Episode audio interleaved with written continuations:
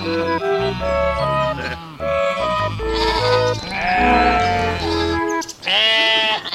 Einar! Hej igen Anna! Hur är läget? Det är bra!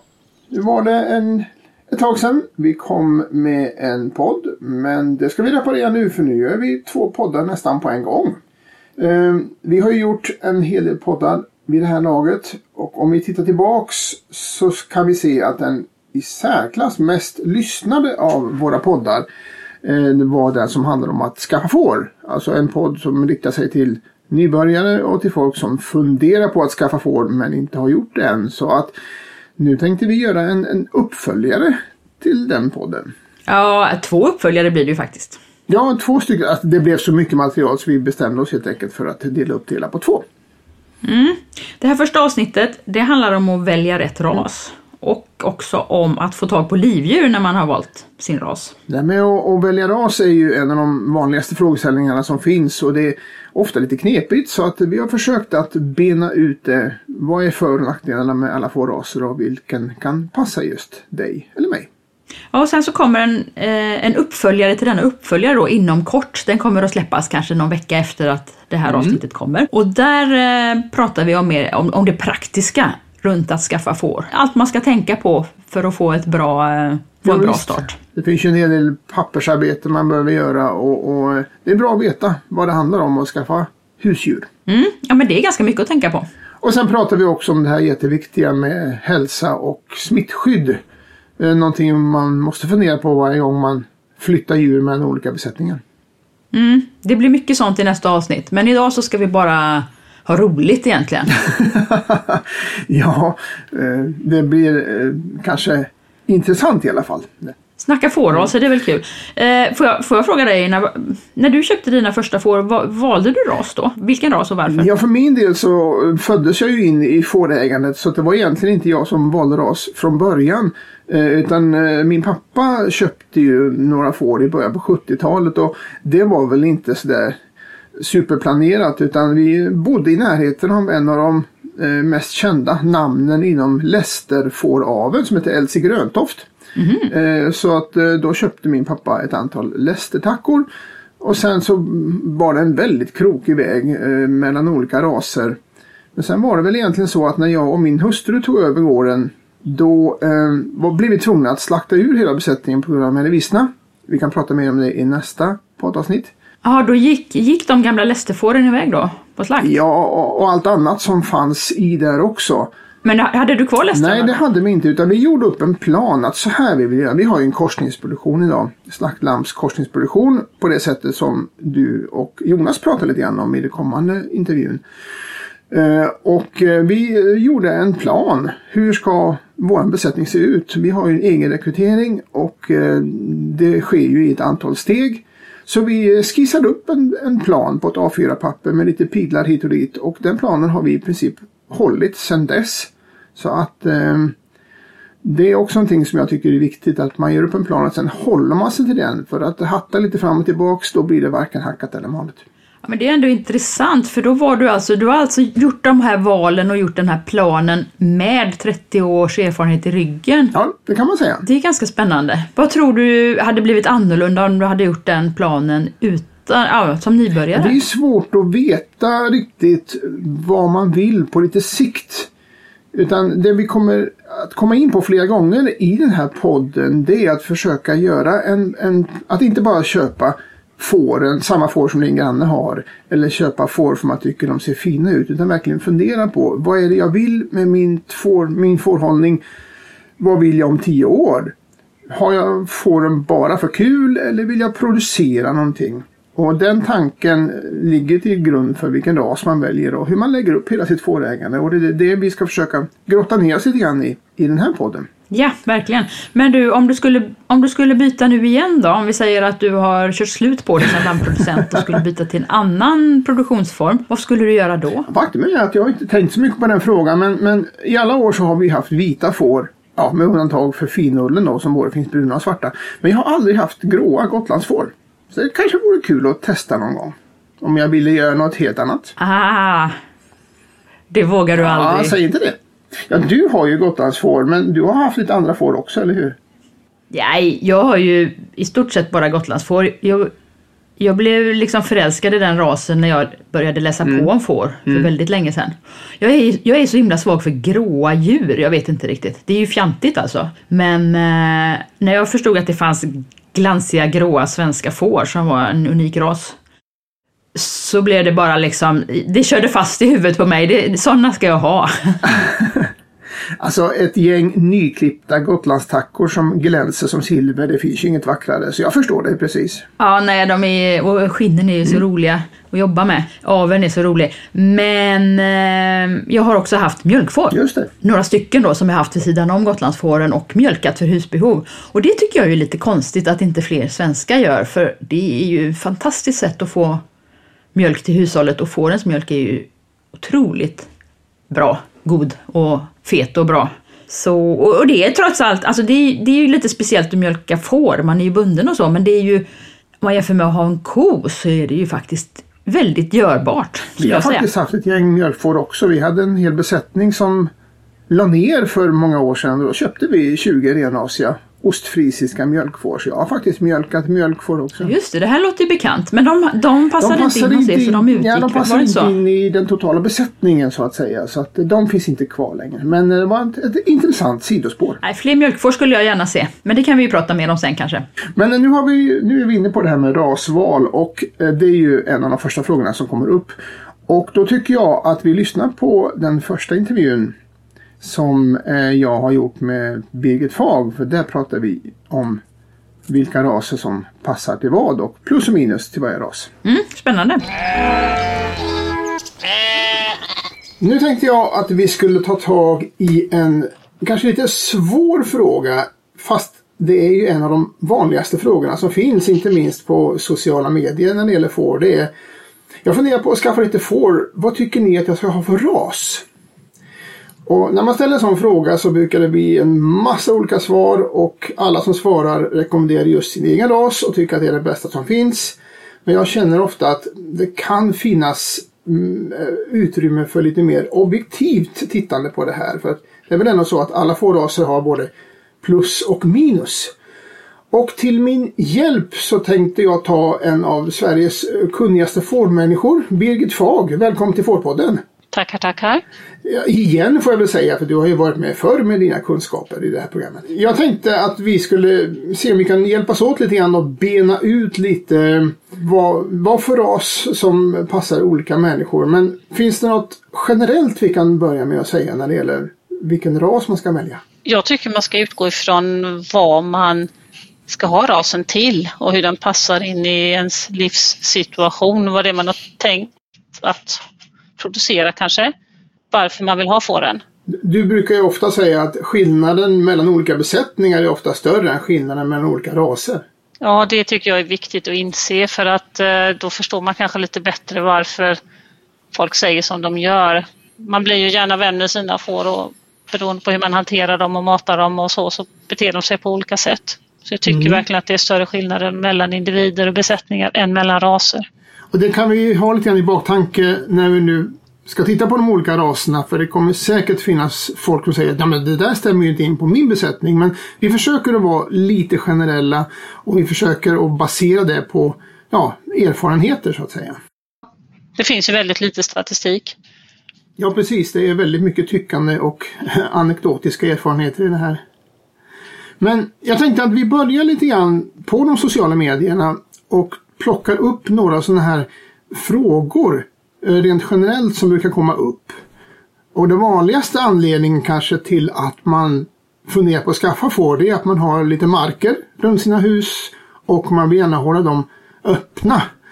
Eh, och, då eh, kommer ju ofta frågan, ja jag vill ha en ras som är bra på att beta. Vad kan vi säga om det? Ja, det brukar vara en vanlig fråga, jag håller med dig. Eh, man behöver inte tvunget tänka ras. Man kan ju tänka typ av får också. Mm. Och ofta tänker man ju på naturbeten när man säger att jag vill hålla markerna öppna. För en åker går ju alltid att sköta på något annat sätt. Men just Ja. naturbetena är ju det som folk tänker på att det är därför man vill skaffa får. För de är duktiga på att äta sly. Och det är ju de flesta raserna.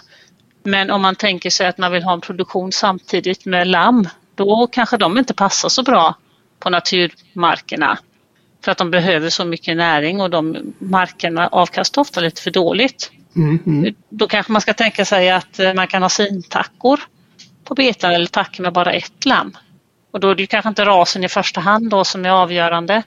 Och sintackor, då pratar vi tackor som kanske lammar i januari och som man föder upp lammen på stall och säljer till påsk och sen släpper man ut bara tackor på bete och de är bra på, på beta då menar du? Så kan det ju vara. Det kan vara sådana som man inte betäcker alls också.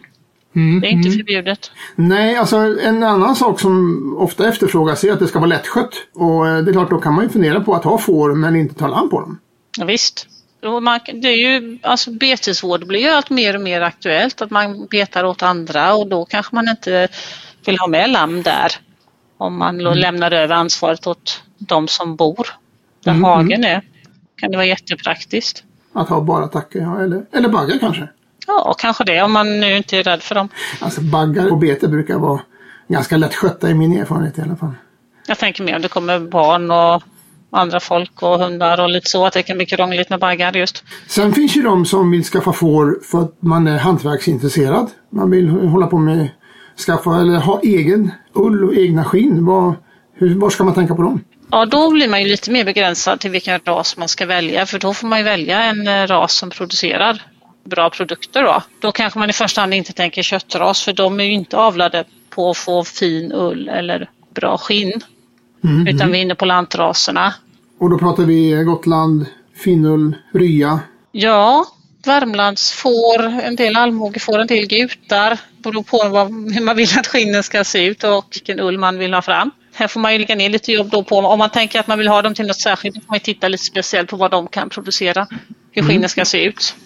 Ja, våra får kan ju producera väldigt mycket olika saker. Det är ju en av de intressanta sakerna.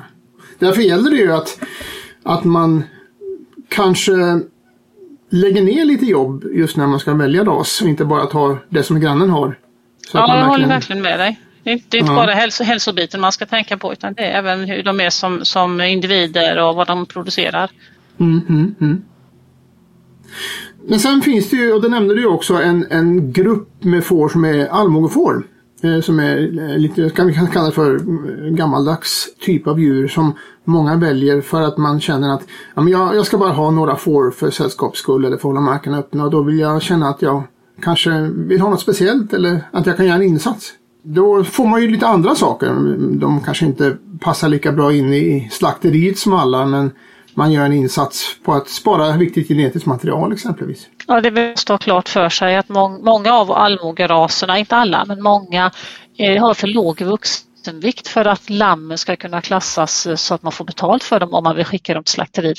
För de väger helt enkelt för lite. Men sen har vi ju de här personerna som är avelsintresserade också som känner att eh, det här ska bli någonting intressant att, att bita i och då finns det väl ganska mycket att göra. Ja visst, absolut. Absolut. Det är många som börjar med får för att de tycker det är roligt med avel. För det går ju fortare än med hästar och nötkreatur till exempel. För de, Ja. du har ju ett nytt lamm, en ny generation på ett år bara.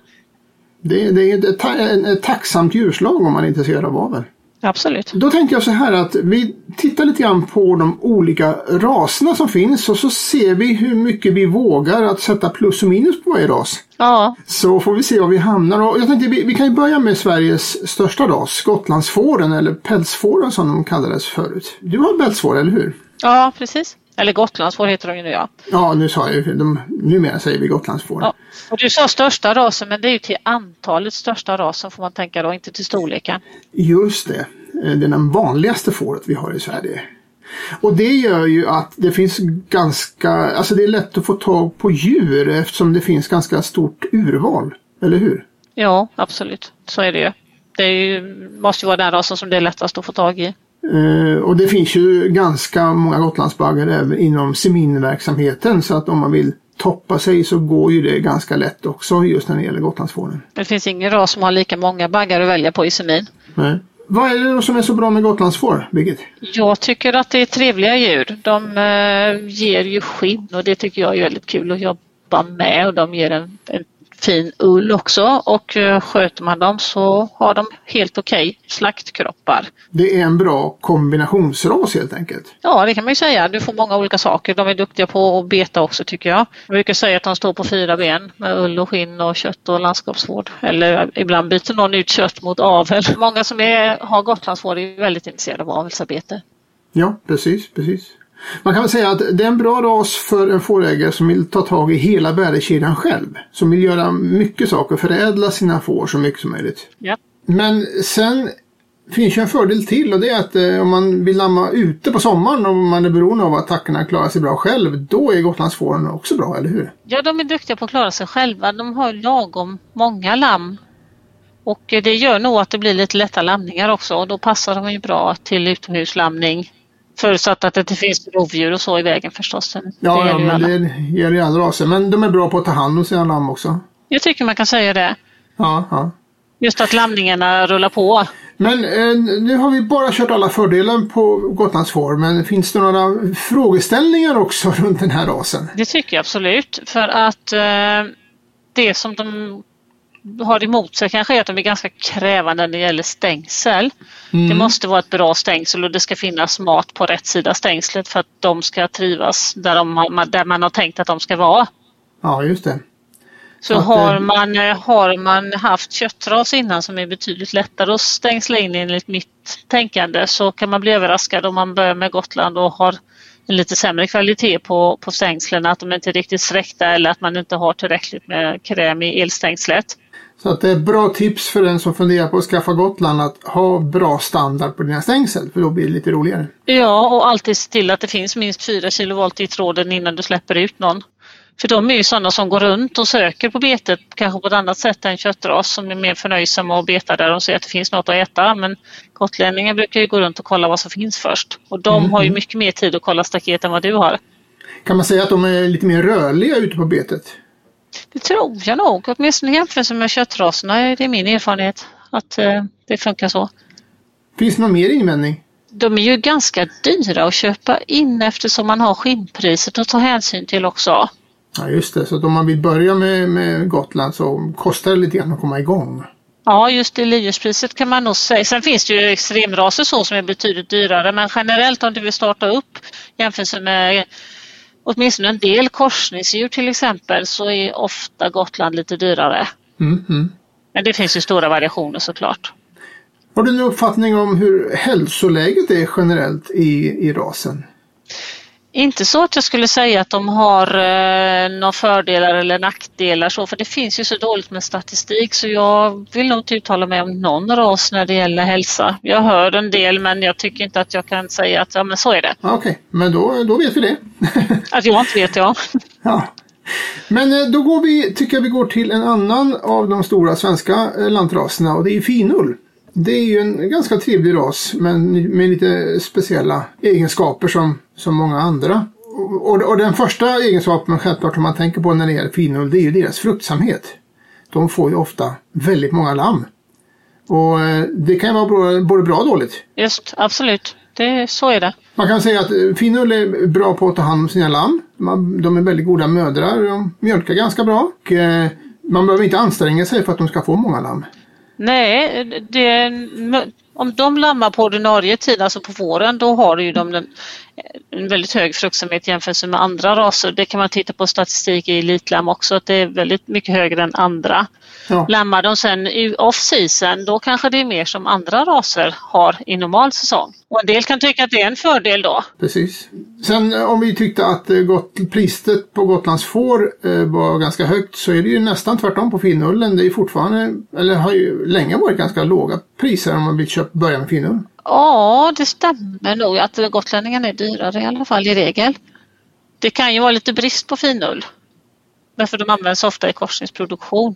Ja, och det är där man hamnar ofta med finullen, att de är ju eftertraktade som mödrar till korsningstackor som slaktlandsproducenterna vill ha. Men kan man säga att det, att, att det finns ett problem inom finullsrasen, att, att det finns olika inriktningar på vad man vill med rasen? Ja, det beror nog på vem du frågar. För de, de som avlar framförallt för att eh, ha en, den ursprungliga rasen där man satsar även på ull. De kanske har lite annorlunda avelsmål än de som vill ta fram djur som ska vara mödrar i korsningsproduktionen där man inte bryr sig om ullen alls i samma utsträckning. Men eh, det kan väl vara idé kanske att eh, fundera på vilka finullsdjur man ska köpa in beroende på vilket intresse man har i sin produktion. Så kan det vara. Jag skulle tänka på, säga det också på plussidan då, om man tittar på, på ekonomi på ett finullsfår, om man tittar på intäkten, möjliga intäkten per tacka så har man ju stora chanser om man är en duktig producent och kan ta tillvara på alla lammen att man får en stor intäkt per tacka. Du kan få både ull och du kan få skinn och du kan få många lamm. Du kan få det här stödet för utrotningshotade raser. Mm. Det, det, det, kan vara en idé att satsa på finull även om man har ekonomi i, i, i sikte. Ja det tycker jag. De är, de är väldigt uh, allround på det viset att de kommer lamma året runt. De passar till många olika modeller men sen kräver de ju mycket också. Jag, jag brukar höja ett litet varningens finger för en nybörjare som inte alls har någon erfarenhet av att ha djur. Att det är ju inte det allra lättaste kanske att börja med, med tackor som får så många lamm därför att den gör sig inte själv lamningen. Nej, ja, precis. Det är vanligare att de trasslar in sig i varandra så man får hjälpa till lite grann i utgången. Och, eh, eh sen är det ju så att många finnor får ju fyrlingar och ibland får de femlingar också. Det klarar de inte själva. Nej, de behöver tillskottsutfodring. Så det, alla tackor behöver ju oftast i alla fall tillskottsfoder när de är digivande men de här tackorna som ska få fem lamm, du förstår vad de ska producera mjölk om det skulle räcka, det går ju inte. Nej, de har ju bara två spenar. Dessutom. Så att man, man får ha en, en beredskap på att man får flaskuppföda eller ja, nu finns det ju jättebra mjölkautomater som man kan använda men att man behöver hjälpa till att föda upp en del lamm. Ja, och ta attackerna behöver mycket alltså koncentrerat foder för att kunna mm. näringsförsörja sig. Men hur är det om en, en tacka som, en finustacka som har burit ett antal lamm och diat tre lamm på sommaren, hon är väl ganska dåligt dålig hull vid avvändningen. Hinner man få upp hullet på henne innan det är dags för nästa betäckning? Det gör ju många som är duktiga på att sköta finull. Det finns ju jättefina besättningar i finull. Jag förstår inte hur de kan vara så duktiga som de är. Så, men man måste ju lägga ner jobb på dem. Alltså en finullstacka på naturbete med, med trillingar och fyrlingar är kanske inte en höjdare för de får inte tillräckligt med mat. Då går hon ju ner sig så väldigt. Mm, mm. Så det är ju ett åkerbetesdjur i så fall vill jag säga. Och då ja. måste man ju se till att de kommer i hull inför beteckningen så att man inte hamnar i det här att de går ner sig i hull, de hinner inte hämta hullet innan de börjar närma sig brunst och då vet vi att om de är i ökande hull inför brunst då är det lätt att man får en flushing-effekt så att man kommer tillbaka nästa år också med många lamm. Ja, precis. Man kommer in lite i en ond spiral där. Så ja, säga. så kan det bli färre nästa år när inte tackan då alltså hämtat sig. Så det kan bli liksom många djur ena året och få djur andra år, lamm nästa år. Och det gäller även, det gäller även Gotland att man har en ökad fruktsamhet på dem och att man får 3-1, 3-1 ja, lamm vartannat år och att man får passa sig lite för det. Man kan säga så här att finnullen trots att det är en lantras så är det en ganska extrem ras och det gäller att man har eh, att, att man är med ordentligt, att man har en bra management om det ska gå bra. Ja, det vill jag nog påstå. Sen har vi en till eh, gammal svensk lantras eh, som också man från början i alla fall bara hade för ullen och det är ju rya.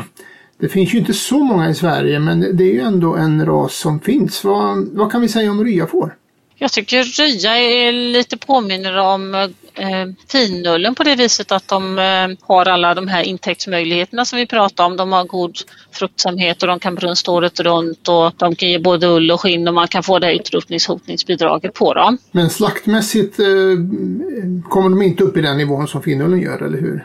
Ja, det är, jag vill mena på att eh, det finns väldigt stora skillnader på ryor. Det finns en del som avlat fram jättefina kroppar på dem som att de ligger i R, många av lammen. Mm, och sen mm. finns det de som inte alls når någon eh, kroppsform att tala om när det är dags att skicka till slakt. När man hade tänkt kanske från början att skicka till slakt då. Men här har jag en, en gammal fundering som jag tänkte testa på dig. Så jag vet inte alls om det är sant men Många får är ju sådana att eh, de ger, de prioriterar mjölken, de prioriterar tillväxten av sina lamm och då kan de till och med tappa ull ibland eftersom de inte prioriterar ulltillväxt framför mjölken. Men min känsla är att ryan alltid prioriterar sin ull före mjölkavkastningen. Är det så? Det vet inte jag. Jag har hört det men jag vet inte om det stämmer. Men. Eh, ull har de ju. Ja, de har ju alltid väldigt mycket ull. ja, den ligger väl på 15 centimeter någonting när lammen är mönstringsklara. Alltså det är väldigt långt jämfört med andra raser. Det är klart att det går åt lite till att producera det. Mm, mm. Men om det är en direkt koppling till, till kroppsformen eller tillväxten, det, det vågar jag inte säga. Nej, nej. Eh, som sagt var, det finns det, det är ju numerärt inte så stor ras längre men det är en intressant ras för den som, som vill hålla på med ull av den här typen.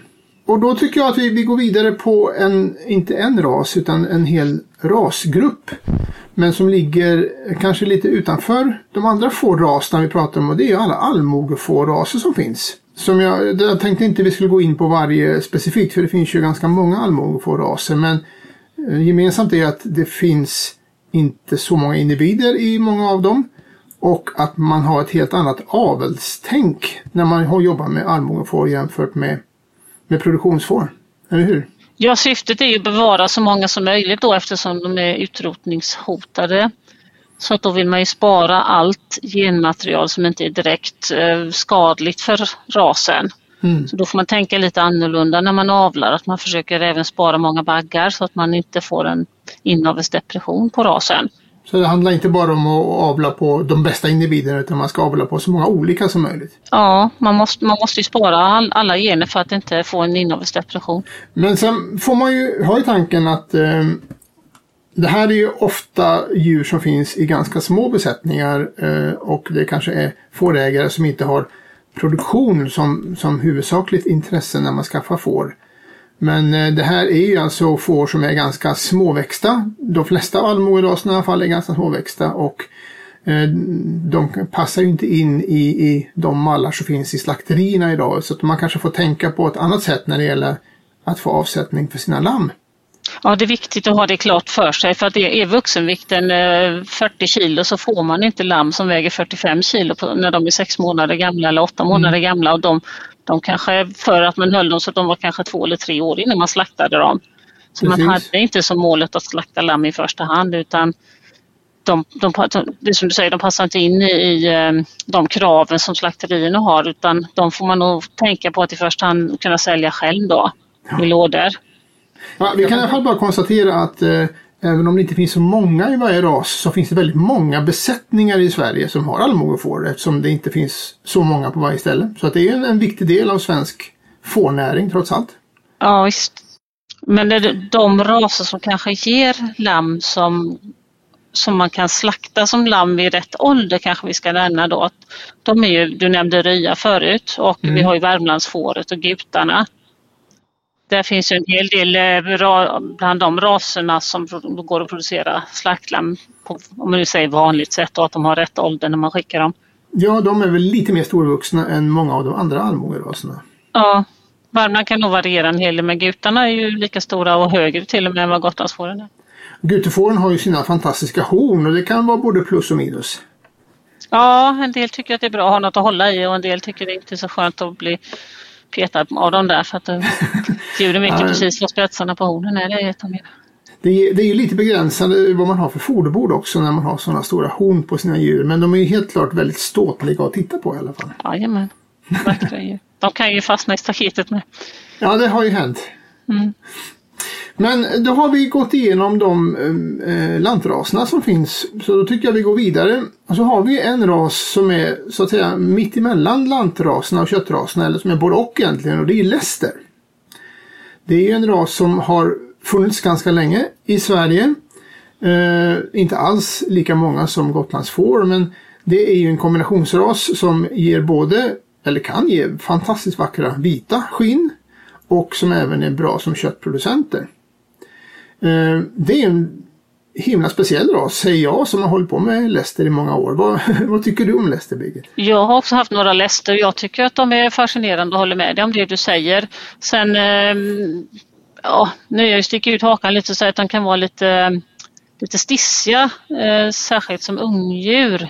Mm, mm. Jag vet inte om du håller med om det, men det kan säkert variera mycket bland besättningarna också. Att de jo, går lite för sig själva på, på betet. Det kanske andra kombinationer också gör fast jag inte tänkt så mycket på det. Men att de gärna håller sig för sig själva på betet.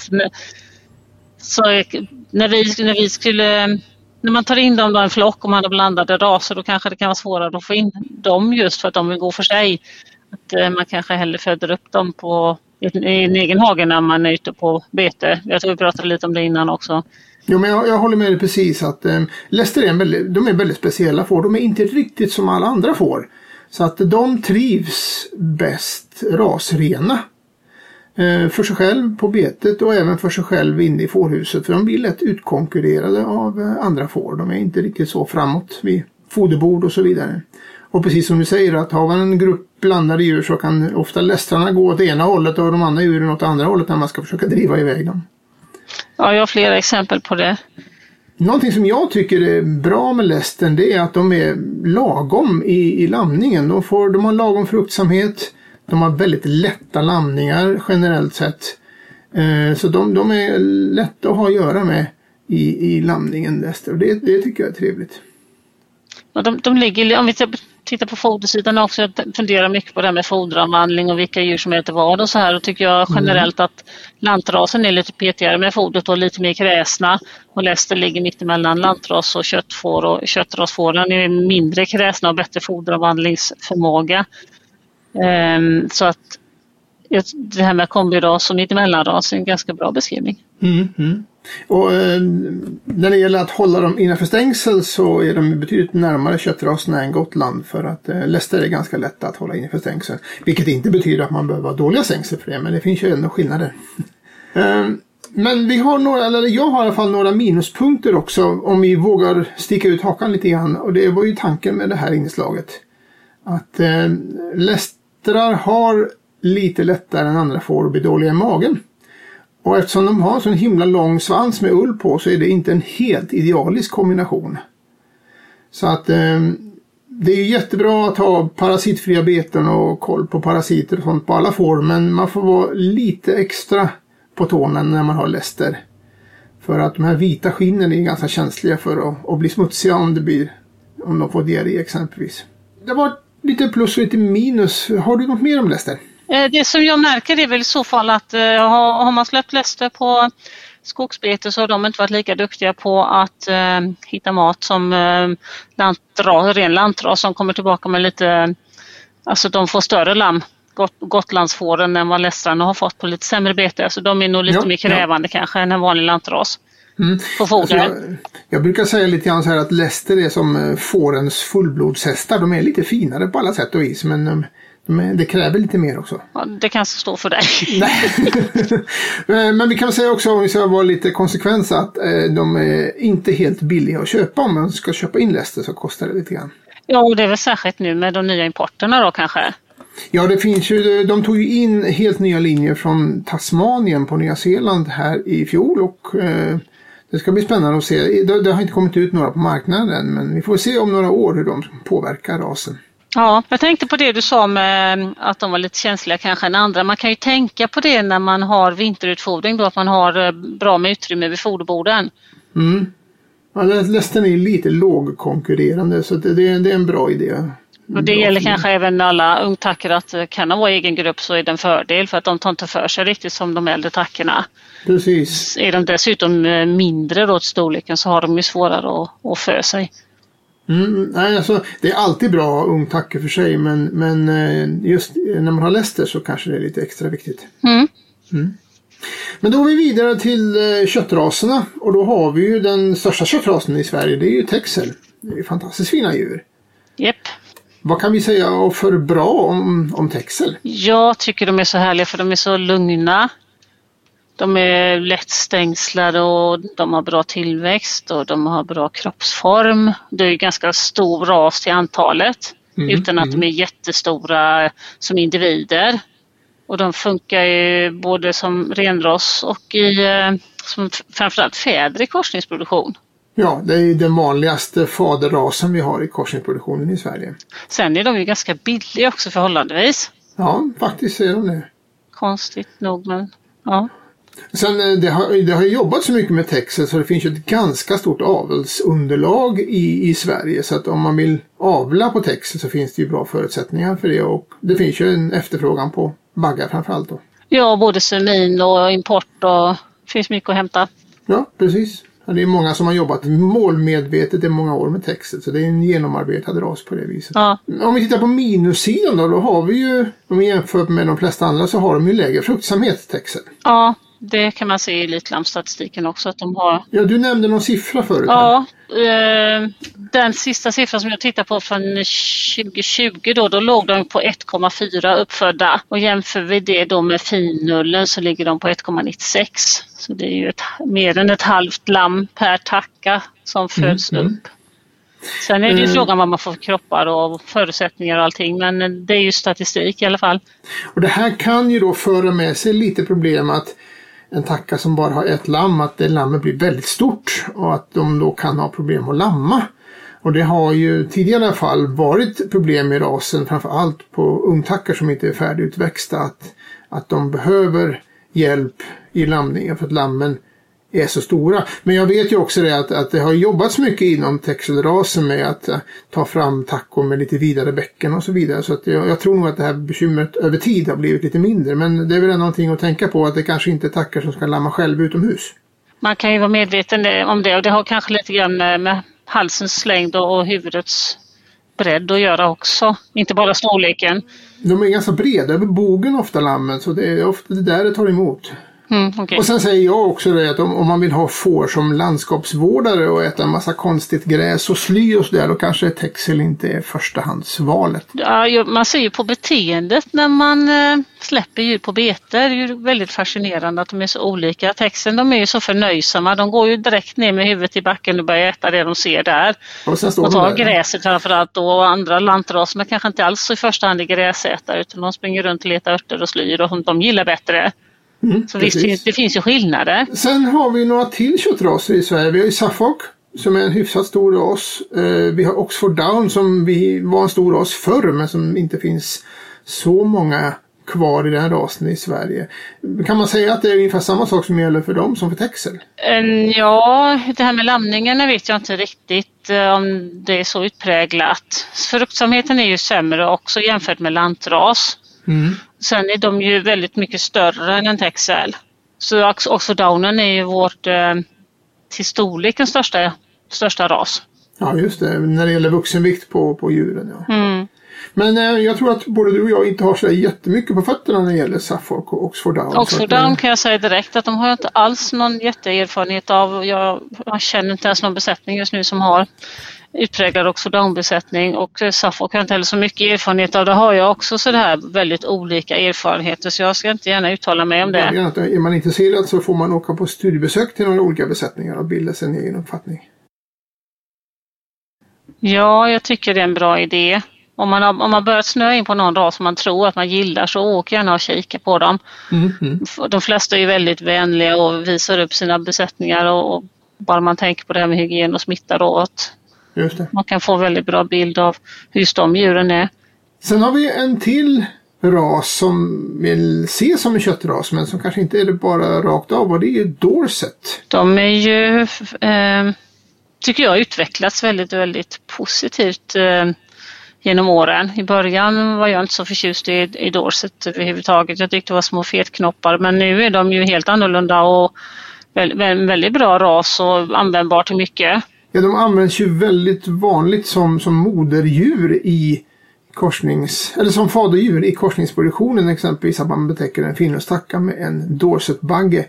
Eh, Och att och man då- sen använder dem som mödrar då ja. Ja, med exempelvis en, en texel eller en, en dorpbagge kanske. Eh, och eh, de har ju en liten egenhet Dorseten, det är att de inte har säsongsberoende brunst som de flesta andra fåraser har. Nej, de är ju de som är duktigast på brunsta året om. Så att eh, för, i den produktionen som ökar mer och mer i Sverige att eh, tackorna lammar kanske i december, januari. Man föder upp lammen på stall och sen har man sin tacka på betet. Där finns, där gör ju Dorset en stor nytta för det, det är där man ofta hittar dem. Ja, visst. Och det börjar väl bli fler och fler som har renras i Dorset också tror jag. Och det som, det som är, är bra med de här är ju att de är snabbväxande och hög, vad jag förstår så mjölkar de mycket fast kanske inte under en lika lång tid som till exempel lantrastacken. Att de siner av kanske vid åtta veckor ganska så snabbt då i jämförelse med en mer flack laktationskurva som eh, lantraserna har enligt min uppfattning i alla fall.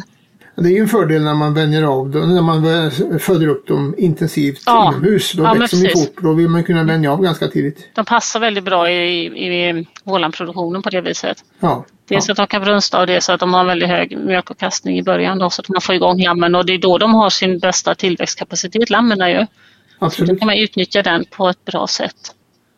Så att det är en ras som passar bra inom slakklampsproduktionen kan vi säga. Ja, Och sen har vi en ny ras i Sverige som har utvecklats, som har blivit väldigt populär och spridit sig över landet. Och det, jag har nog aldrig varit med om att en ny ras har fått en sån snabb spridning. Och det är ju Dorper. just det. Eh, Dorper kom ju hit via embryotransfer. Men det är ju en lite annorlunda ras jämfört med de andra vi har. Vad, vad kan du säga om Dorper? Eh, jag har inte så mycket personlig erfarenhet av Dorpen men jag vet att de är väldigt populära både som renras och i, korsningsproduktion. Jag har fått låna några Dorper tacksamt på en utställning och det jag upptäckte då var ju att man hanterar inte dem på samma sätt som man gör med en litet lantras får även om det är stort för de har en helt annan kroppsbyggnad. De står ju över mycket mark, stadiga och liksom starka i kroppen på ett annat sätt än uppfattar många andra raser är. Det är svårt att böja dem helt enkelt. Ja, det kan man säga. Starka i nacken och breda över liksom bågarna så. Ja, ja. det är ganska Stabila stå, djur. st- ståtliga djur att titta på. Sen har de ju föregått av väldigt mycket liksom marknadsföring så. Det har varit skickligt tycker jag. Sen, sen vet inte jag om allting stämmer och om allting är fördel alltid men jag tycker att det är en eh, ras som absolut är här för att stanna och jättemånga goda egenskaper. Mm. Jo, som du sa, rasföreträdarna har ju lyft fram en massa positiva egenskaper. Men finns det någonting som vi kan säga säkert som, som gäller under våra förhållanden? Alltså att de tappar ull, det vet vi ju. Det är bara att titta på dem. Sen om, om man tycker att det är en fördel eller inte är ju kanske tveksam, eller ja, tveksam, men eh, det beror ju på vem man är. De Ja, har de ju ingen, självfäller de har ingen alltså. vanlig ull liksom som man kan sälja och, och få pengar av skulle jag nog påstå. Ja, alla kanske inte tycker att det är en fördel och söker man det här stödet då för extra djurvälfärd för får, då måste man ju ändå klippa dem två gånger om året. Så så sätt kanske det är inte den egenskapen som man lyfter fram i första hand längre. Att i, I dagens läge så, så finns, ser vi ju ett ökande värde av ullen. Och det värdet finns ju inte på en Dorpe för den ullen går ju inte att använda på samma sätt som, som vanlig fårull gör. Så att det, Nej, är inte ju till de sakerna. nej. det är ett minus egentligen för den rasen. I, i Men, men eh, det här att de har blivit väldigt, väldigt populära är väl också dels att de växer fort och har bra kroppar men framförallt att de har en, eh, tycker jag alla nog har sagt, eh, en väldig vitalitet när lammen föds. Så att de är snabbt på benen och fram till benen. Att många är överraskade över att det är så stor skillnad då. Jo, eh, och det kan jag vidhålla själv också. Vi har ju också använt en dorpebaggar jäm, jämsides med texobaggar i våran eh, lammköttsproduktion. Och jag tycker det är glasklart att dorpelammen är vitalare och livskraftigare vid födseln och det är mindre, mindre handpåläggning på dem. Det, det, är en, det är en klar fördel, framförallt när man har en större besättning. Ja, precis. Men då har vi egentligen gått igenom de raserna som är lite numerärt större i Sverige. Men sen finns det ju en massa små raser också. En hel del nytt blod som har kommit in. Det senaste med embryotransfer med merino och borderlester och, och valliska svartnosfår finns. Och det finns ett antal sådana mindre raser. Men vad ska man tänka på om man funderar på en sån ras? Jag tänker mest på det här med, med alltså tillgången till livdjur och om de står i paritet med priset och hur man håller dem ifrån inavelsdepression. Precis, det är ju det som är en, en smal avelsbas då. Då gäller det att man verkligen är duktig på avel för att hålla rasen frisk. Man kan väl säga också att, att priset på de här djuren kanske speglar mer Ja, det är mer ett spekulativt pris som speglar intressenivån mer än kvaliteten hos själva djuren kanske. Ja, och det är väl helt okej om, om, man, om man vill det. Jag menar, det är ju, var och en ska ju ha den rasen de är, gillar och är eh, nöjda med. Men om man, man kanske inte satsar på dem i första hand om man eh, ska starta med 600 attacker och ska ha en heltidsproduktion. Nej, precis. Men det är det som är så härligt med den svenska lammproduktionen, att det finns plats för både små och stora besättningar. Och vi har så pass många raser nu för tiden så att alla kan nog hitta någonting som passar bra om man inte bara köper det som grannen har utan faktiskt sätter sig ner och funderar lite grann på vad är det jag vill ha vad är det jag behöver och vad är det någonting som finns. Ja, just att man förstår att kanske lantraserna inte har samma tillväxt och köttansättningskapacitet och kanske inte då alla kan lamma året runt och inte rena köttras heller utan man, om man, om vill börja med en produktion där man ska tjäna pengar då måste man för det första leverera lamm som går att skicka till slakt så man kan få betalt för dem. Det är ju en grej.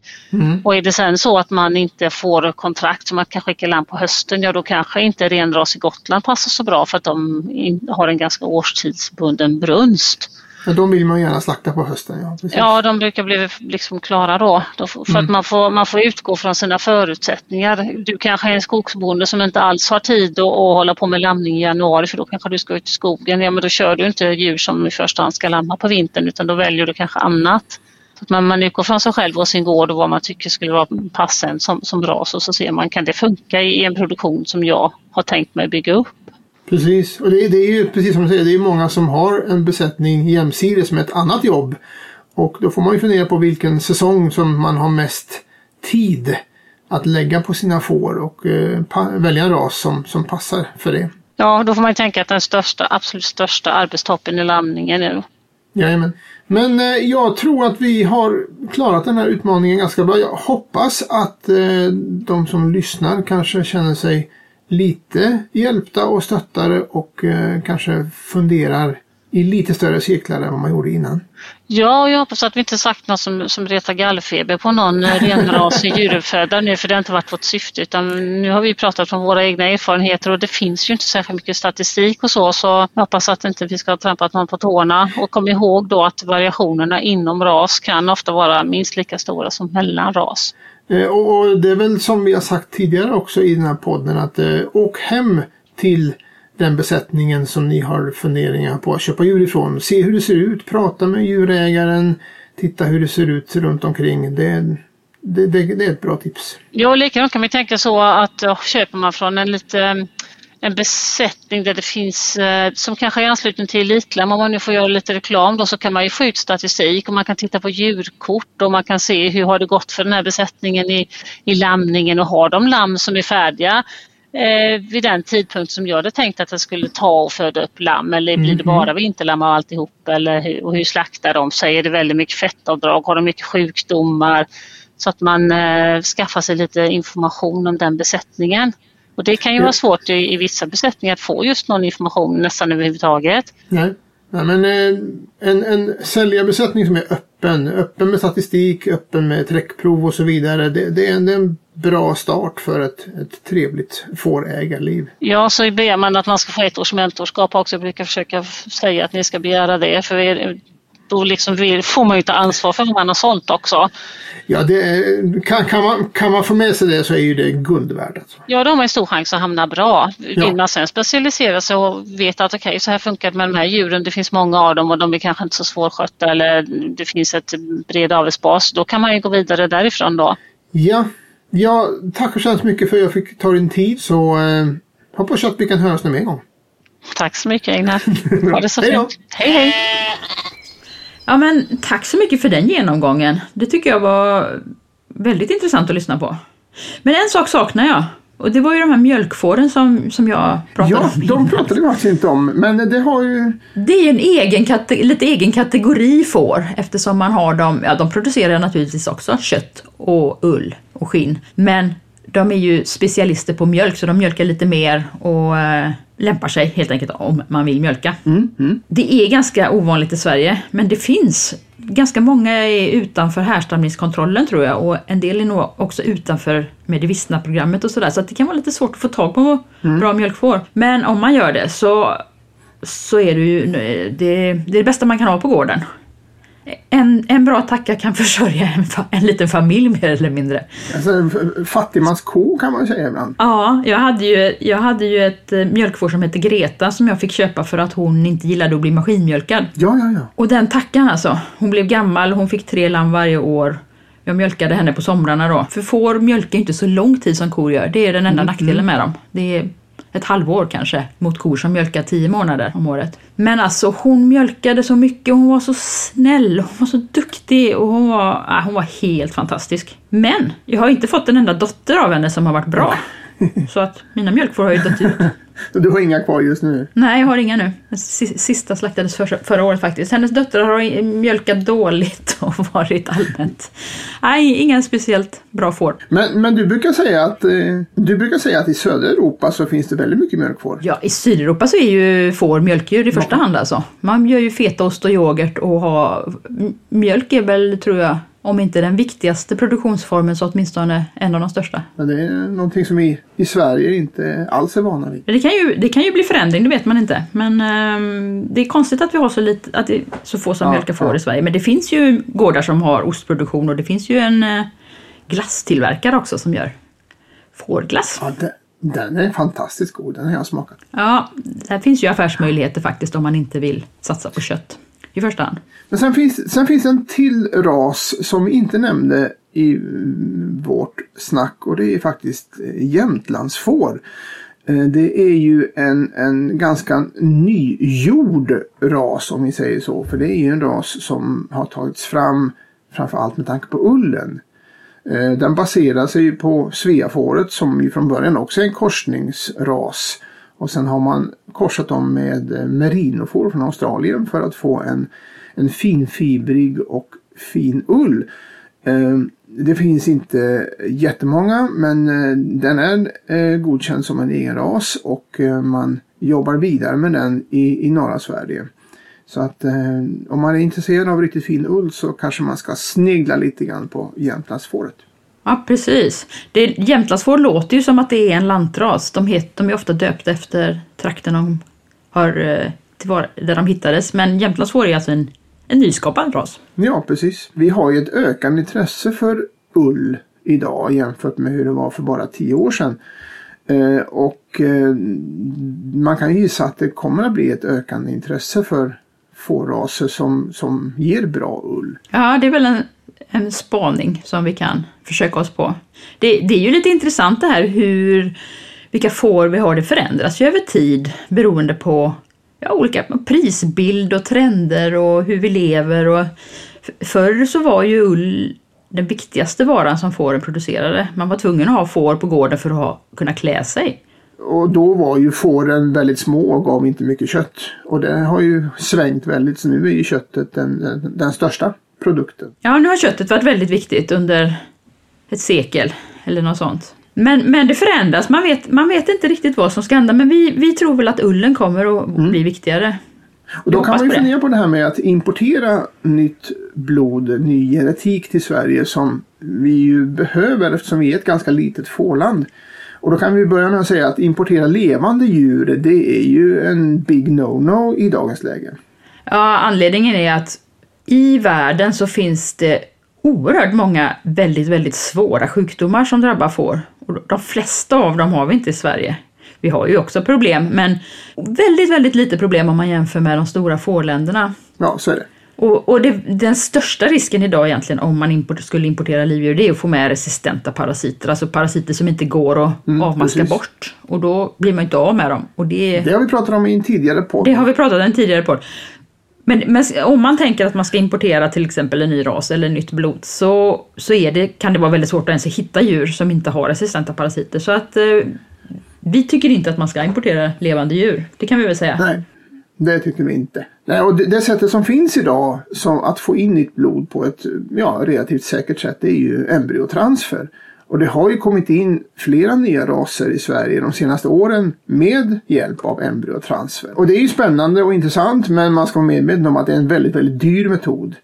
Och att eh, introducera en ny ras är ju väldigt svårt för att man måste ha en tillräckligt stor avelsbas för att inte få inavel i en ny ras. Och det innebär att man får fortsätta att importera eh, nya embryon i flera år efteråt. Så att man måste vara medveten om att det är en väldigt, väldigt dyr och komplicerad process. Men det går i alla fall att göra. Ja, nej men det är väl lite, lite som, eh, som du när du gjorde din plan där, när du skulle nystarta din fårbesättning. Man behöver göra en plan som sträcker sig över flera år. Det är inte bara att köpa fem tackor och en bagge och tänka att man är igång, för så funkar det ju inte. Och det kan vara bra om man är flera som slår sig ihop och samarbetar då, så att man kan dela på kostnader. Ja, det, det är väldigt, väldigt bra. Det har vi sett bland annat på mm, introduktionen av Dorper i Sverige. Att det är ett stort antal besättningar som hjälps åt. Och Dorpen har ju etablerat sig som en, en, en stor ras i Sverige idag. Så det är ju ett, ett lyckat exempel på, på det. Ja, de har ju verkligen lyckats. Ja, att de faktiskt haft en riktig plan hur man ska göra. Då eh, tycker jag att vi går vidare och blir lite hands-on. Att nu har vi bestämt oss för vad vi ska ha och hur gör man då? Hur får man tag på de här djuren? Ja, vi har bestämt oss för att vi ska köpa får och vi ska köpa svenska Mm, ja, får. precis. Och, eh, var, var hittar man då sina drömmars får? Ja, jag, jag har pratat med Jonas Karlsson som är nyinvald i SFs förbundsstyrelse. Mm. Och, och hans tankar om det här. Vi lyssnar på det. Det gör vi.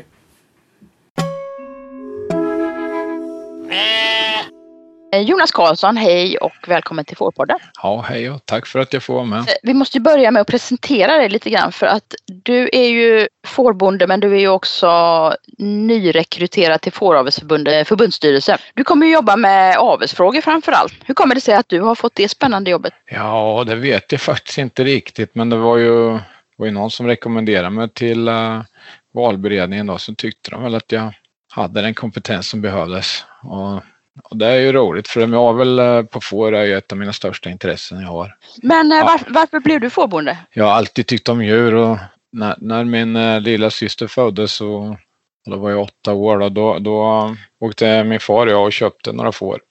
När mamma var på BB för hon, hon höll emot då. Ni kuppade när hon låg på BB. Jajamän.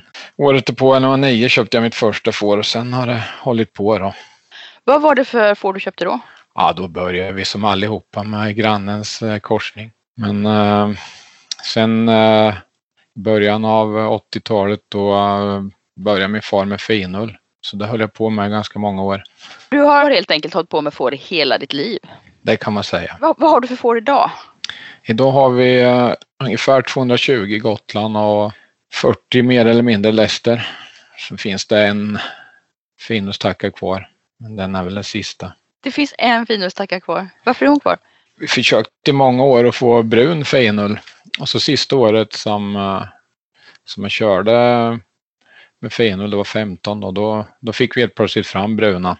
Och eh, min fru tycker hon är så fin då så, så vi har henne kvar. Det är en favorit helt. Kan du säga någonting om varför, varför det är de här raserna som har blivit produktionen på gården? Ja, vi, vi började ju då 87 med, med Gotlandsfår. Jag har alltid varit intresserad av Gotlandsfår men det är ju den fåras som, som jag tycker passar kanske bäst om man inte har så många för man kan få ut lite mer av skinnen också. Sen hade vi parallellt eh, korsnings och finusfår i många år. Men vi, eh, ja, vi har ju ganska stor gård, vi har 200 hektar här men, men eh, för att jag ska kunna leva på gården så vi har ju då bara strax över 200 får, eller 260. Och ska man kunna leva på det så, så behöver vi ha skinnen. Ja, du behöver det mervärdet för att få Ja. tillräcklig inkomst. Sen är det ju min stora intresse då, avel av Gotlands och lästerfår. Det är någonting man kan försjunka i för en livstid. Oh ja, men det ska vi nog inte ta idag. För då Det ska vi inte ta idag. Nej, vi ska ju prata om eh, att, att köpa livdjur och hur man gör för att lyckas med det. Jag antar att du tänker att det är en bra idé att anstränga sig lite extra när man, när man ska skaffa sina första får. Ja, det tycker jag ju. Ja, nu är jag ju mest erfaren på Gotlandsfår då, men, men där träffar man ju folk hela tiden som har köpt eh, får av grannen eller någon nära. Man har haft en eh, bra intention när man, eh, när man skaffar dem och sen så upptäcker man att man inte är med i Elitlam och man är inte med i statusarna. Och då pratar du om Ja, precis. Med det och, och fotrat. Mm. Och då kan man ju helt plötsligt inte sälja djur till alla. Man blir ju liksom lite utanför. Sen så kan man ju också få problem då att man får fotröta eller eh, väldigt mycket parasiter och, och det blir en väldigt tråkig början. Men om man eh, anstränger sig lite extra kanske man får ett eh, jämnare Eh, eller mer lättarbetat djurmaterial oavsett vilken ras man köper eller korsning. Och då är det ju också mycket lättare när man håller på. Har man eh, korsningsdjur utav samma kvalitet så, eh, så sköter man ju lammen på samma vis och får en jämnare slaktgrupp. Allt blir enklare om man köper bra djur. Dessutom så kanske om man hittar en bra uppfödare att köpa av så har väl förhoppningsvis de avlat bort dåliga djur och slidframfall och svåra lamningar så, så då får man ju en lättare start. Men jag tror att man ska försöka kolla upp och hitta en bra uppfödare och då kan man ju även få ett mentorskap med sig och det är ju värt väldigt mycket. Ja, det tycker jag verkligen att vi ska slå ett extra slag för. Att, att köpa får och få en mentor på köpet, det är, det är typ ovärderligt. Ja, det tycker jag. Eh, har man en mentor, särskilt om den är skapligt nära, kan man ju vara med under fåråret på de uh, lite mer speciella grejerna som lamning, vägning, uh, avmaskning. Få en praktisk introduktion i hela fårsvängen och det är ju jättebra. Ja, det, det, är ju ett jättebra tips. Knyta kontakt innan man köper djuren och få vara med och jobba med djuren innan de kommer hem. För det lär man sig jättemycket på. Och man ser ju också vad det är för djur man vill ha. Tänk. Vad det är man ska leta efter. Ja, det gör man. Och har man den här mentorn så kan man ju även få hjälp att hitta bra avelsdjur som av baggar då om man ska köpa in som, som den här personen vet passar till sin besättning. Så, så det är ju väldigt viktigt i början att man har den här mentorn att luta sig mot. Så kan man även diskutera med den då vad det är man vill ha ut av sina djur. Så att den kan hjälpa en att välja rätt djur. För det är ju inte så lätt när man kommer till, jag skulle inte kunna komma till din besättning och välja ut de djuren jag vill ha utan att prata med dig. Nej, så är det ju. Nej, det är jättebra att ha en mentor och, och, och prata med. Så det tycker jag att man ska satsa på. Det är lika viktigt att köpa en mentor som att köpa bra djur från början. Mm, men eh, vad finns det för vägar att hitta rätt djur här nu då? Hur bär man sig åt för att hitta den där mentorn? Ett bra sätt är väl att ta kontakt med den lokala fårföreningen. Där kan man ju hitta många engagerade människor som känner många i, i närheten. Mm, ja, man kan även vara med på kurser och lite aktiviteter innan man startar och kolla in vilka som är trevliga. Ja, men det är ett bra råd. Sen så rasföreningarna är bra att titta på. Elitlam kan man ju titta i då. Annonserna kommer man väl åt även om man inte är med. Ja, det gör man. Slakten, om man uh, tänker så innan så, så uh, nu läste jag att Scan skulle börja och förmedla bra attacker. Ja, det är väl det man, som jag kommer att tänka på just nu. Ja, om man ska börja med finull eller Gotland eller lästerfår så kan det också vara ett tips att kolla på en riksbedömning för där samlas ju nördiga besättningar sina allra finaste djur. Men det finns ju även riksbedömningar för köttrasfår. Ja absolut, de är väldigt eh, intressanta att besöka. Ja, auktioner kan ju vara ett bra tillfälle också att titta. Och få en bild av vad det finns på marknaden. Ja, och även besättningar ser man ju som säljer där. Så att, uh, det finns ju lite eh, ställen man kan titta på då. Ja, och sen uh, inte att förglömma om man ska starta med genbanksdjur, gute eller allmogefår, så är det ju genbankerna man ska kontakta för att Absolut, där är väl ganska, de har ju stor koll på sina djur verkar det som. Ja, de har en enormt bra service. Men du nämnde avelsmaterial för slaktproduktion. Du sa att Scan skulle ta tag i frågan eller? Ja, enligt eh, Roberts eh, sista vecko, eller sista informationsbrev som han skickade ut så skulle de på Scan sälja två sorters korsningstackar. Finull, Dorset, Finull, eh, Suffolk. Och sen skulle man även göra två kompositradsar då där man betäcker Finull Dorset med Finull Dorset-bagge och Finull Suffolk med Finull eh, Suffolk-bagge. Då. Det vore ju ett enormt steg fram för eh, lammköttsproduktionen. Ja, det vore ju, då har man ju också en tanke på vad man ska ha för, eh, för slutbagge och antar att man kommer att förmedla sådana också så det blir ju jättebra. Ja, det är ett koncepttänk lite grann i stil med hur man jobbar på grissidan då eller? Det borde det vara. Jag har ju inte pratat med dem själv men så uppfattar jag det hela. Tanken är väl att vi på SF också skulle i någon form försöka hjälpa till och förmedla djur. Vi har ju börjat ett litet grupparbete med det. Får vi se vart vi hamnar. Ja, med, med då att uh, köpare och säljare ska hitta varandra egentligen eller? Ja, precis. Sen skulle vi nog försöka att ta fram ett uh, ett bra mellangårdsavtal som man kan använda när man ska sälja mellan varandra. Ja, men du kan väl beskriva lite kort hur, hur du tänker att det skulle se ut då? För den som inte är inne i lammproduktion och vet någonting om. Jag skulle kunna beskriva ett, tänkbart flöde man skulle kunna göra. Alltså, vi har ju både stora och små besättningar i Sverige så, så om man gjorde ungefär så här som jag kommer att säga så kommer även små besättningar kunna få lite mer betalt för sina djur om man har en planerad produktion. Och då om vi då förutsätter att det är en finullsbas eh, i det hela så, så skulle ju en finullsbesättning kunna göra så att man har kvar de eh, bästa finullstackorna som man tar fram i, i rashaveln då.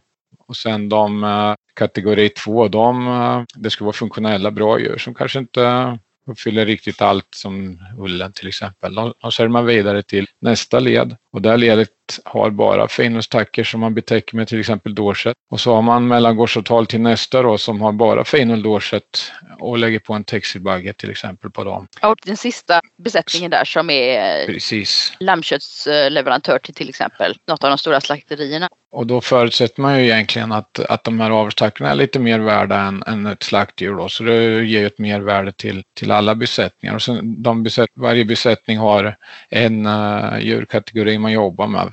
Det gör ju att man får ett enklare management när man kan fora alla lika och samma lamning och man behöver bara en typ av bagge. Dessutom så kommer det ju göra att man vill ha en fadersras på de här korsningstackorna då. Så då kommer ju Texel, Suffolk och, och de här raserna, Dorper kanske, kommer in där. Så, så då kommer ju även de besättningarna kommer ju få sälja en hel del avelsdjur. Ja, det, det är det som är så komplext i en sån här korsningsproduktion att det krävs många typer av avel som samarbetar för att man ska nå slutmålet. Ja, det blir svårt att ha allt det här i samma besättning. Även om man har en stor besättning så blir den ju uppdelad i små eh, djurgrupper. I små enklaver ja, som, där man ja. har olika fokus. Men det är, ju, det är ju väldigt bra om man kan koncentrera det och koncentrera sig på den delen man själv tycker är mest spännande också. Ja, men så är det ju. Sen så är det ju också det att uh, om man kan rekrytera hela sitt tackbehov från samma besättning i de här stegen så kommer man ju få uh, ett säkrare djurmaterial. Man kan ju vara med och ha uh, lite önskemål neråt. Sen så bör, bör man inte köpa från flera olika besättningar så kommer ju risken med att köpa in smittor och, och, och minska. Så det är ju bara win-win i den här. Ja, ur, ur hälsosynpunkt är det ju enormt mycket bättre än att köpa från må många olika ställen. Men eh, vi kommer att få höra mer om det här framöver känns det som. Det är vår intention. Det är mm. något som vi kommer jobba, ja vi har börjat jobba med. Uh, nu är vi där att vi ska bjuda in uh, några fler och, och få med att tycka i det här och se vad vi kan göra. Mm, man får ju bra betalt för lammköttet nu för tiden så att uh, fler besättningar som verkligen satsar på att producera lamm är ju någonting som behövs. Avsättning för produkten saknas inte. Nej, det är ju ett eh, stort behov nu och det, med så lite får som vi har så, så tar det nog lång tid innan vi mättar det så att det är ju jättebra tillfälle att satsa på får. Mm, verkligen. Vare sig det är rasrena djur eller om man ska ha korsningar. Mm. Eh, säljer ni på Sättersborg livdjur i stor utsträckning? Nej, det kan jag inte säga att vi gör. Vi, eh, vi har inte fokuserat på det. Vi säljer skinn då. Men när, när det dyker upp eh, livdjursköpare, hur ty tycker du att de brukar vara pålästa och ställa rätt frågor eller hur känns det?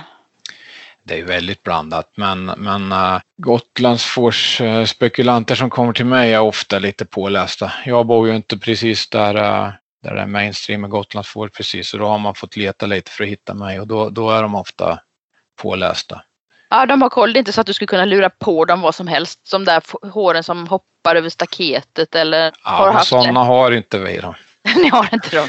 Nej. Det är precis det man ska ta reda på när man letar livdjur. Ja. Att de, det ska vara en besättning som inte har... Det finns så många problem man kan köpa när man köper får. Men finns inte de problemen så kommer man inte få dem med sig heller. Nej, jag, jag tycker... Uh, vi, vi, om vi nu ska prata om mig så, så kör vi uh, Easy Care här. Så vi, Visst kan du väl hoppa någon tacka här kanske, men, men eh, alla problemindivider tar vi bort och det, det gör ju att efter så många år som, som man har hållit på här så, så blir det mycket lättare att sköta flocken. Jag tror att de flesta uppfödare gör så, men det är något som jag verkligen kan rekommendera att man, att man har ett easy care-tänk i sitt...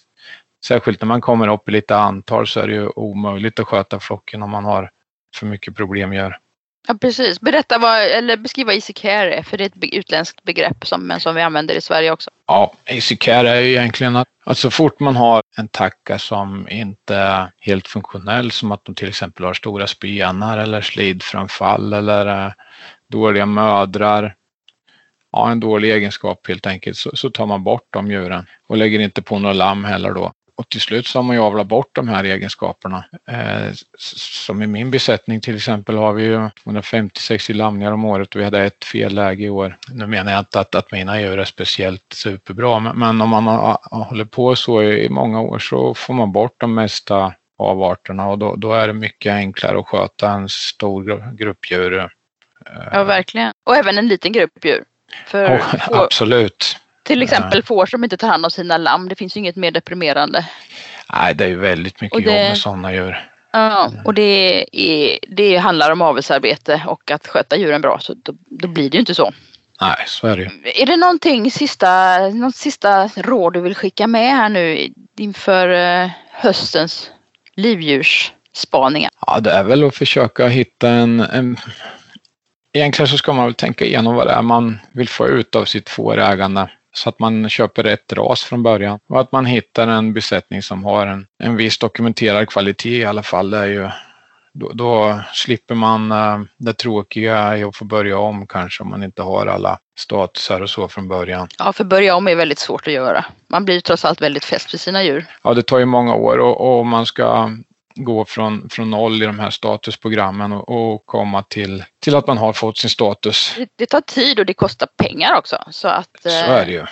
det är verkligen värt att lägga lite extra på livdjuren. Och, och köper man djur som är bra från början då är man ju med i, och kan sälja bra djur direkt om det, om det är så att man vill sälja avelsdjur. Och, och det är ju också väldigt eh, väl investerade pengar att köpa ett, eh, ett eh, bra avelsarbete. Absolut. Satsa på rätt ras. Satsa på bra djur. Få en mentor på köpet så har du gjort en bra affär. Så är bra att göra. Ja, men vi tackar så jättemycket för tipsen. Eh, Tack själv, det var kul att få vara med. Vi hörs. Det gör vi. Du, det där var eh, intressant och eh, verkligen hands-on. Vad, vad jag framförallt fastnade för det var det Jonas pratade om att eh, den här hela affärsidén för korsningsproduktionen, för den svenska slaktlammsproduktionen, att eh, det kan involvera både små nystartade och större besättningar som jobbar ihop ett system. Det tyckte jag var riktigt intressant och det hoppas jag att det kommer att bli verklighet i betydligt större omfattning framöver än vad det är idag. För det, det tror jag vore jättebra för den svenska lammnäringen. Mm. Det kan ju kanske vara någon, det kanske passar någon av er som lyssnar på det här också att eh, lägga sig någonstans i den kedjan och producera livdjur. Vi har stort behov av det och vi behöver nya besättningar som förser korsningsproduktionen med livdjur. Så det skulle vara en jättebra affärsidé tycker jag. Okej. Vi brukar ju alltid sluta de här poddarna med att prata lite grann om vad som händer på fårgården just nu. Vi är i, eh, ja, i mitten på september när vi spelar in den här podden. Vad händer hemma hos dig Anna? Nu är det som sagt mitten på september och det är ju värsta och bästa perioden på hela året. För, för nu är ju lammen ganska stora och jag kan se vad det har blivit av dem och nu ska jag välja livdjur. Mm, mm. Och det är så svårt för man vill spara fler än vad man kan.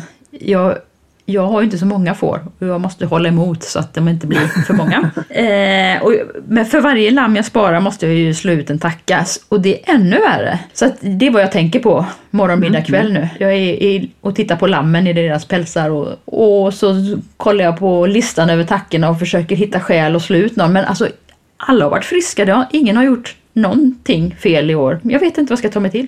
Jag vill inte slakta någon, det är jättesvårt. Men jag måste ju. Alltså det där är ju faktiskt ett läge som, som alla hamnar i när man ska skaffa får. Att oj, vad ska vi göra med lammen? Eh, vissa tycker det är riktigt jobbigt att slakta och andra tycker att det känns ju fantastiskt bra att slakta själv och lägga i frysen och veta att det här djuret har haft det bra under hela sin levnad och eh, det här är ett kött jag kan äta med väldigt gott samvete. Ja men för, ja, verkligen, när slakten är över så känns det jättehärligt. Och det är också ganska skönt att det inte är så många djur på gården som man ska få över vintern för nu ska de ju snart in. Eh, och då finns det inte plats för alla de här.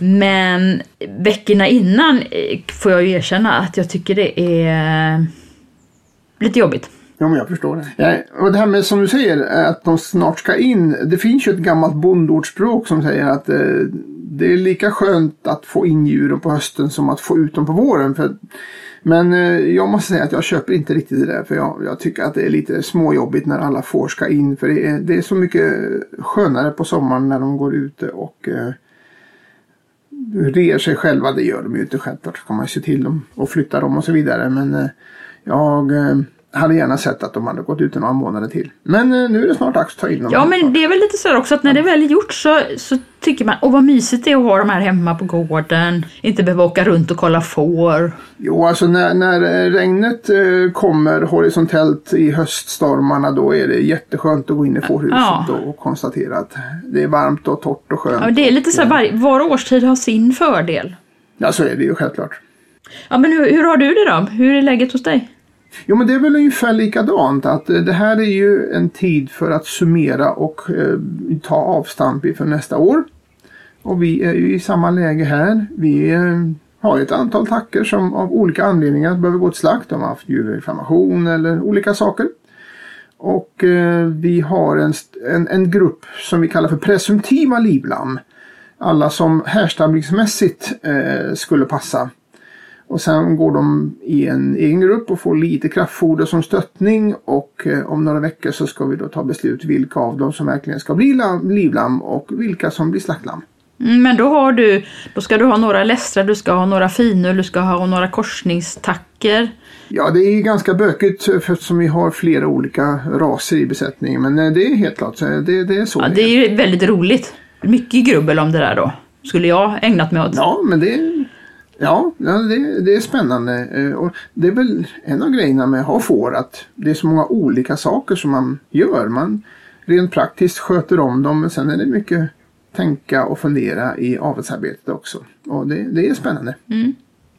Men då tycker jag att vi rundar av den här podden. Eh, Som sagt var, nästa podd kommer alldeles strax eh, och är en fortsättning på den här. Och då ska vi alltså prata om dels rent praktiskt hur man gör när man får hem sina får. Och sen så ska vi prata om hälsa och eh, sjukdomar och smittor och sånt som man måste ha i tanken när man köper hem sina första djur. Ja, då ska vi kavla upp ärmarna och jobba ordentligt. Så då säger vi att vi hörs snart igen. Ja, men det gör vi. Okej, tack för idag Anna. Hej! Hej då!